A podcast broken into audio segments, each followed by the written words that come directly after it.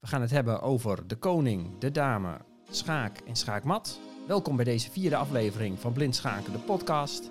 En vandaag gaan we beginnen met zetten doen om een partij uiteindelijk te kunnen winnen.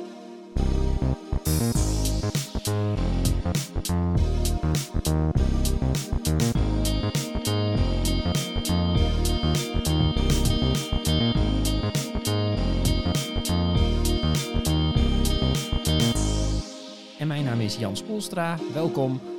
De inleidende beschietingen voor deze podcast zijn voorbij, want we hebben in de eerste aflevering kennis gemaakt met het schaakmateriaal voor blinden en slechtzienden. In de tweede aflevering hebben we eh, de velden op het bord benoemd en afspraken gemaakt eh, hoe we de zetten gaan, eh, gaan doorgeven via, via mijn stem. In de derde aflevering hebben we kennis gemaakt met alle stukken en hun waarden. En in deze aflevering gaan we beginnen met één voor één alle stukken bij langs. We gaan vertellen hoe ze over het bord mogen bewegen. En we maken ondertussen kennis met allerlei begrippen en tactieken in het schaakspel. En dat is in de- deze aflevering schaak en schaakmat. Nou, ehm, wat hebben we nodig voor deze podcast? Allereerst eh, het schaakbord. En we gaan met eh, drie stukken spelen. Namelijk de witte koning, de witte dame en de zwarte koning. Eh, ik heb eh, drie stellingen. Of eigenlijk één stelling. Eh, in twee ste- stellingen zetten we maar één stuk op het bord. Maar ik heb nou, het in drie blokjes opgeknipt. Ehm, we gaan beginnen met de koning. Voor deze eerste stelling hebben we alleen de koning nodig, de witte koning. En we zetten de witte koning op het witte veld E4. Dat is een van de vier centrale velden. Vanuit E4, waar mag de koning allemaal naartoe? Nou, de koning mag in één zet één stapje zetten, alle kanten op. Naar voren, naar achteren, naar links, naar rechts. Schuin links naar voren, schuin rechts naar voren. Schuin links naar achteren of schuin rechts naar achteren. Alleen maar één stapje per keer. Dus vanuit het veld E4 zijn er acht velden waar de koning op zijn zet, op, op een set van wit naartoe zou mogen. Nou, ik ga nu die velden allemaal even benoemen. Vanuit Eva 4 kan de koning naar David 5, schuin links naar voren. Naar Eva 5, recht naar voren. Naar Felix 5, schuin rechts naar voren. De koning kan een stap naar links naar David 4. De koning kan een stap naar rechts naar Felix 4. De koning kan schuin links naar achteren naar David 3. De koning kan recht naar achteren naar Eva 3. En naar eh, Felix 3, schuin rechts naar achteren. Nou, zo zien we dat de koning, als die in het centrum staat of als die eh, allemaal velden om zich heen heeft, dan heeft hij acht velden waar die naartoe kan gaan als het niet geblokkeerd wordt door andere stukken. Nou, wat gebeurt er nou als we de koning naar de rand bewegen? We zetten nu de koning even op Eva 1. Dat is een zwart veld. Ehm, vanuit deze plek mag de koning naar vijf verschillende velden. Nou, vanuit eh, Eva 1 mag, eh, mag hij naar eh, links, naar, naar David 1. Of naar schuin links naar voren naar D2. Recht naar voren naar E2. Schuin rechts naar voren naar Felix 2. Of naar rechts, een stapje naar rechts, naar Felix 1. Nou, zo zie je maar dat, eh, om maar aan te tonen, in een eerdere podcast zeiden we al dat het centrum belangrijker was. Nou, we zien dus eigenlijk al dat een koning, als die verder naar het centrum beweegt, eh, meer velden heeft om naartoe te gaan. Nou is dat voor de koning alleen in het eindspel van belang. Eh, een koning wil je doorgaans aan het begin van een partij en in het middenspel juist aan de randen hebben, zodat hij lekker achter jouw pionnetjes weggestopt zit, zodat de tegenstander hem niet goed kan aanvallen. Ehm, en om die beperktere bewegingsvrijheid van de koning in de, aan de randen nog maar extra aan te tonen, zetten we nu de koning even op Hector 1, het veld rechts onder in de hoek, een wit veld. En we zien dat hij vanuit hier nog maar naar drie velden toe kan. Eh, vanuit Hector 1 kan de koning in één zet naar Gustav 1. De koning kan in één zet naar Gustav 2. En de koning kan in één zet naar Hector 2. Nou, dat zijn de zetten die wit vanuit hier kan doen. Dat is hoe de koning over het bord beweegt. Dan gaan we nu over naar de dame. Voor deze tweede stelling hebben we alleen de witte dame nodig. En die zetten we op het eh, veld E4. En eh, controleer even of dat een, inderdaad een, eh, een wit veld is. Controleer even of linksonder een zwart veld ligt op het schaakbord. Ik ben dat net bij de koning nog even vergeten te vertellen. Kan in het begin vaak kan in het begin nog wel eens misgaan. Nou, goed. De dame die beweegt net als de koning in rechte lijnen en schuine lijnen over het bord. Alleen de dame mag zoveel stappen zetten als ze wil in één zet.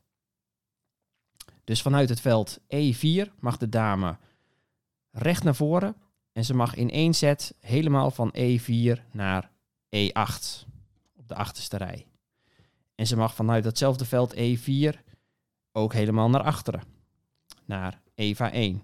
En ze mag in, diezelfde, in één set ook naar alle velden daartussenin. Nou, zo ligt op die, uh, de E-kolom liggen zeven velden waar ze naartoe mag.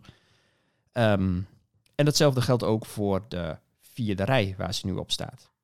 Dus ze mag in één set helemaal naar A4 of naar B4, C4 of D4.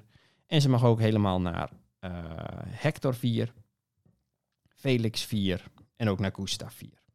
Nou, um, de dame mag ook schuine lijnen. Nou, ze staat nu op het uh, witte veld E4. Die is onderdeel van de lange diagonaal die helemaal van Hector 1 naar Anna 8 loopt. En ze mag naar al die velden toe in één set. Dus ze mag in één set naar Anna 8 of naar Bella 7 of naar Caesar 6 of naar David 5. Ze mag ook in één set naar Felix 3, Gustav 2 of Hector 1. Is ook een diagonaal, er liggen ook acht velden op. Dame staat al op één veld, dus op deze diagonaal liggen ook zeven velden waar de dame naartoe mag. Dan staat de dame ook nog op een andere diagonaal. De diagonaal die loopt van Bella 1 naar Hector 7, van B1 naar H7. Daar liggen nog zeven velden op. De dame staat al op 1. Dus er zijn nog zes velden over waar ze naartoe mag. Nou, na al deze zes velden mag ze ook in één set. Dus ze mag in één set naar B1, naar C2, naar D3. Ze mag ook in één set naar F5, G6 of H7. Nou, als je een beetje meegeteld hebt, op de rechte lijnen, hè, op, de, op de kolom en op de, op de, op de E-kolom en op de vierde rij liggen twee keer zeven velden waar ze naartoe mag. Op de lange diagonaal van H1 naar A8 liggen ook zeven velden, dat zijn 21 velden. En op het, de andere diagonaal, die is iets korter, Um, daar liggen nog zes velden waar ze naartoe mag. Dus ze mag vanuit het centrum naar 27 velden. Nou, ik wil nu eventjes bekijken wat er gebeurt met het aantal velden waar de dame naartoe kan op het moment dat ze een stapje uit het centrum zet. Dus we zetten de dame nu op Eva 3. Zwart veld. Nou, we gaan nu wederom tellen naar hoeveel velden ze mag. Het is denk ik snel duidelijk dat op de E-kolom, daar liggen nog steeds acht velden. Ze staat al op 1. Dus daar blijven zeven velden over. Dat geldt ook voor de derde rij waar ze inmiddels op staat. We komen op 14 velden. Maar als we naar de diagonale kijken, dan zien we dat als je schuin links naar voren beweegt, dat daar nog steeds vier velden liggen. Want dan kom je bij de rand van het bord. Als je schuin rechts naar voren kijkt, daar liggen nog steeds, net als in de vorige, uh, bij, vanaf, uh, net als dat je de dame op E4 zet, daar liggen nog steeds drie velden. En dan ben je bij de rand van het bord. Maar de twee diagonalen die naar achteren gaan, daar, gaat een, uh, daar gaan twee velden vanaf. Dus daar liggen ineens nog maar, uh, er liggen nog maar twee velden links achter haar en ook twee velden rechts achter haar. Dus een stapje uit het centrum en de dame kan niet naar 27 velden, maar naar 25. Nou, kijk gewoon even mee, zet de dame op E2. Dan zul je zien dat de twee diagonaaltjes schuin naar voren even lang blijven, maar dat er nog maar één veld achter ligt. Het aantal velden waar ze naartoe kan zakt naar 23. En aan de rand van het bord blijven er nog maar 21 velden over waar ze naartoe kan. Nou, het is misschien leuk om even te kijken wat er nou gebeurt als ze nu uh, vanuit, uh, vanaf die onderste een beetje uh, naar links en naar rechts beweegt. Zet de dame maar eens helemaal in de hoek.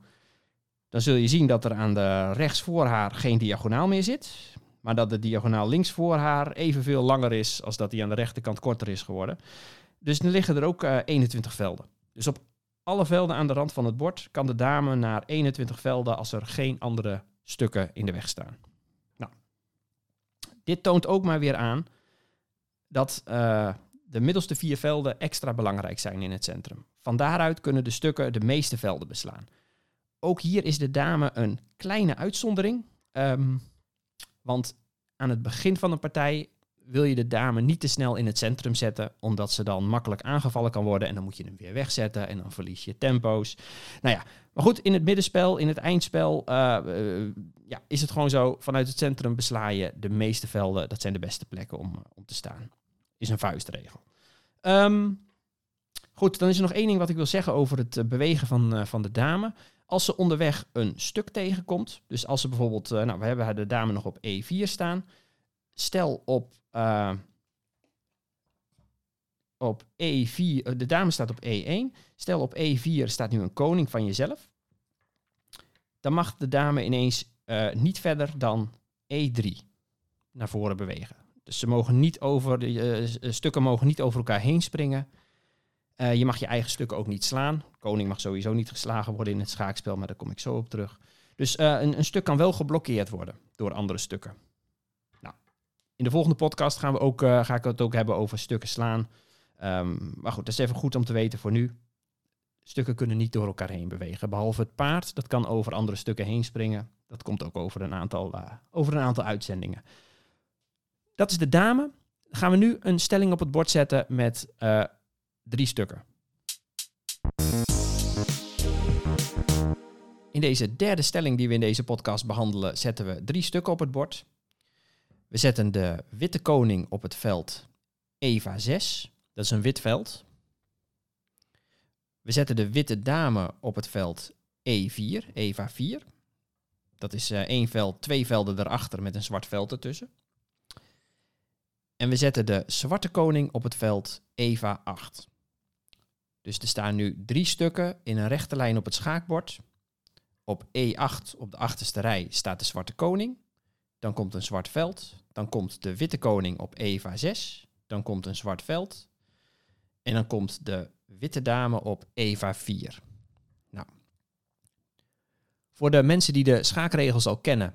En voor meer gevorderde spelers die dit, uh, deze podcast uh, zonder schaakbord erbij blind volgen. De vraag is: op hoeveel manieren kan wit schaak geven? En op hoeveel manieren kan wit schaakmat geven? Nou, voor de voor de gevorderde luisteraar, eh, jullie kunnen uh, de podcast even op pauze zetten en het antwoord in je hoofd formuleren. De beginnende schakers en de blinde schakers die het spel leren, die kunnen gewoon uh, met mij meegaan nu. Um, goed. In, nou, op hoeveel manieren kun je schaak geven, op hoeveel manieren kun je schaakmat geven? Nou, dan moeten we eerst weten wat dat is. Nou, daarvoor zetten we de dame van wit van E4 naar Gustav 6 naar G6. Dus de dame gaat in een schuine lijn, schuin rechts naar voren, um, naar G6. Nou, en wat we nou zien, is dat de dame in een schuine lijn links naar voren, van uh, G6 naar E8, kijkt de dame naar de koning. Hij zou de koning kunnen slaan. Koning mag je nooit slaan in het schaakspel, want voordat dat gebeurt is het spel al afgelopen. Maar uh, Wit kijkt, de witte dame kijkt naar de koning en dat is schaak. Nou, op de volgende beurt van zwart moet zwart dat schaak oplossen. Nou, dat, dat kan zwart doen door zijn koning een stapje opzij te bewegen. Bijvoorbeeld naar, uh, naar, uh, naar F8 of naar David 8.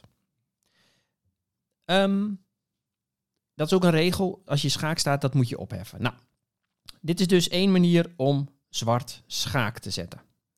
De dame ging van E4 naar G6. Nou, de stelling is, uh, is symmetrisch. Dus zo'nzelfde schaakje zit ook aan de andere kant. Dus als we van E4 naar C6 gaan, dan zetten we de dame, of dan zet de dame de koning met eenzelfde schuine lijn schaak. Ook dit moet zwart oplossen door de koning een stap opzij te plaatsen. Let daarbij op dat als zwart zijn koning verplaatst, dat die koning niet naar voren mag komen. De koning mag bijvoorbeeld niet naar E7. Want dan staat hij naast de witte koning. En dan zet hij zichzelf soort van schaak. Dus koningen mogen nooit naast elkaar komen te staan in het, uh, in het schaakspel. Niet uh, in rechte lijnen, niet diagonaal.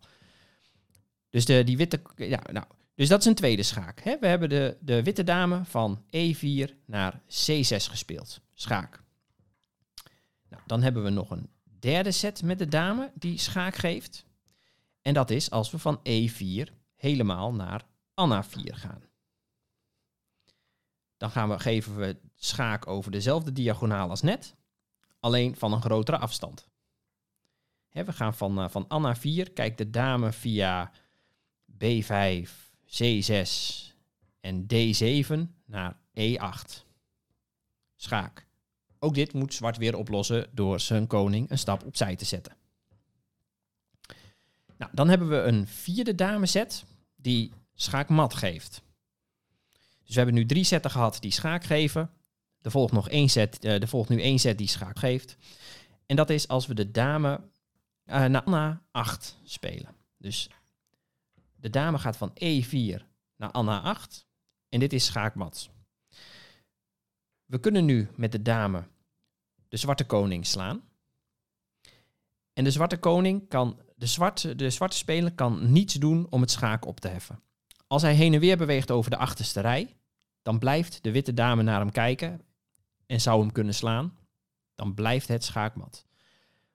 De zwarte koning mag ook niet naar voren. En zo zien we ook de waarde van de koning in het eindspel. in het begin van het spel moet je hem beschermen en wil je hem wegstoppen in de hoek. Uh, als je in zo'n eindspel zit, dan is het gewoon een uh, noodzakelijk stuk om een partij te kunnen winnen. De witte koning die dekt de velden vanuit, uh, vanuit E6, dekt de witte koning de velden David 7, Eva 7 en Felix 7 af. Dus de zwarte koning kan niet naar voren komen. Hij kan ook niet op de achterstrij. Dit is schaakmat. De partij is nu afgelopen. Nou, ik zet de, dame even weer terug naar zijn beginset, E4. We hebben nu drie zetten gehad uh, waarop uh, wit zwart schaak zet. We hebben één set gehad waarop wit schaakmat geeft. En er zijn nog vier zetten waarop wit schaak kan geven. Nou, en dit toont ook een manier aan, of uh, ik wil hier ook een manier van denken mee laten zien, waarop je vanaf het begin af aan al over de stukken moet nadenken. We kunnen met onze witte koning een stap opzij zetten. We kunnen bijvoorbeeld van Eva 6 naar David 6. En nu komt er een lijn open. De witte dame kijkt nu ineens in een rechte lijn naar de zwarte koning. Dit is ook schaak. Zwart kan dit oplossen door naar links of rechts te bewegen. Of naar het veld Felix 7. Nou. En zo zijn er nog drie koningszetten die wit kan doen om schaak te geven. In plaats van naar David 6 kan de koning ook naar rechts stappen, naar Felix 6. Of schuin links naar achteren naar David 5. Of schuin rechts naar achteren naar Felix 5. En bij al deze koningszetten stapt de koning uit de lijn van E4 naar E8. Komt die lijn vrij en valt de dame aan. Nou, dit, deze tactiek, dit is een tactisch motief in het schaken. Deze tactiek, dit noemen we een aftrekaanval. Of de Engelse term vind ik eigenlijk mooier, een discovery, een ontdekkingsaanval. De koning stapt opzij en de dame ontdekt, hey, ik kijk naar die koning op de achterste rij een discovery. Nou, nog eventjes, um, de witte koning mag niet naar David 7, Eva 7 of Felix 7. Want dan sta je naast de koning van de tegenstander en dat mag uh, nooit. Dus het juiste antwoord was dus, uh, er zijn uh, zeven zetten waarop wit schaak kan geven. En er is één set waarop wit schaakmat geeft. Nou, dat is ook de beste set die je gewoon moet doen. De andere zetten zijn in dit voorbeeld puur ter illustratie. Goed, dat is wat ik in deze vierde aflevering van Blind Schakende podcast wilde behandelen. We hebben het gehad over de koning en hoe deze over het bord mag bewegen. We hebben het gehad over de dame en hoe zij over het bord mag bewegen. We hebben kennis gemaakt met het begrip, met het begrip schaak. Dat is wanneer je met een stuk van jou de koning van de tegenstander zou kunnen slaan. Uh, en dat, uh, we hebben ook verteld dat zwart dit moet oplossen op zijn beurt. Als hij dat niet kan, is het schaakmat. Dus als jij de koning van de tegenstander kan slaan en hij kan niks doen om dat te voorkomen, dan uh, is het schaakmat, is de partij afgelopen. We hebben kennis gemaakt met een eerste tactiek, namelijk een discovery. We zijn met de koning opzij gestapt, waardoor er een lijn van aanval open kwam richting de koning van de tegenstander. En die manier van denken wil ik meteen vanaf het begin dat we de stukken behandelen erin brengen. De meeste partijen worden namelijk beslist op tactiek. Ik speel zelf op clubniveau en uh, nou ja, je kunt soms een opening best goed, uh, goed leren, maar op een gegeven moment uh, ga je, zijn er vaak tactische motieven waarmee je een stuk wint en waarmee je een partij kan winnen. Nou, um, in de volgende aflevering ga ik het hebben over de toren. Dan gaan we het hebben over het begrip stukken slaan. We gaan dan nogmaals de begrippen schaak en schaakmat verduidelijken en wat je daar allemaal aan kan doen als je schaak staat. Ja, en verder, uh, ik ben heel benieuwd wat jullie ervan vinden. Ook uh, de gevorderde schakers, uh, is dit met je ogen dicht te volgen? En zouden jullie het leuk vinden als ik later miniatuurpartijen gewoon per podcast bespreek en dat jullie blind de partij in je hoofd doen? Beginnende spelers kunnen dan lekker de stukken, het, schaakbord erbij pakken en de stukken meespelen. De, de, de zetten meespelen. Ja, en ik hoop zo een leuke schaakcursus voor nou ja, voor gevorderden die blind willen leren schaken te maken. En voor startende spelers en blinde startende spelers die gewoon kennis willen maken met het spel uh, publiceren. Nou, heb je vragen? Stuur even een e-mail naar blindschakendepodcast.gmail.com En dan zie ik jullie de volgende keer terug achter het bord.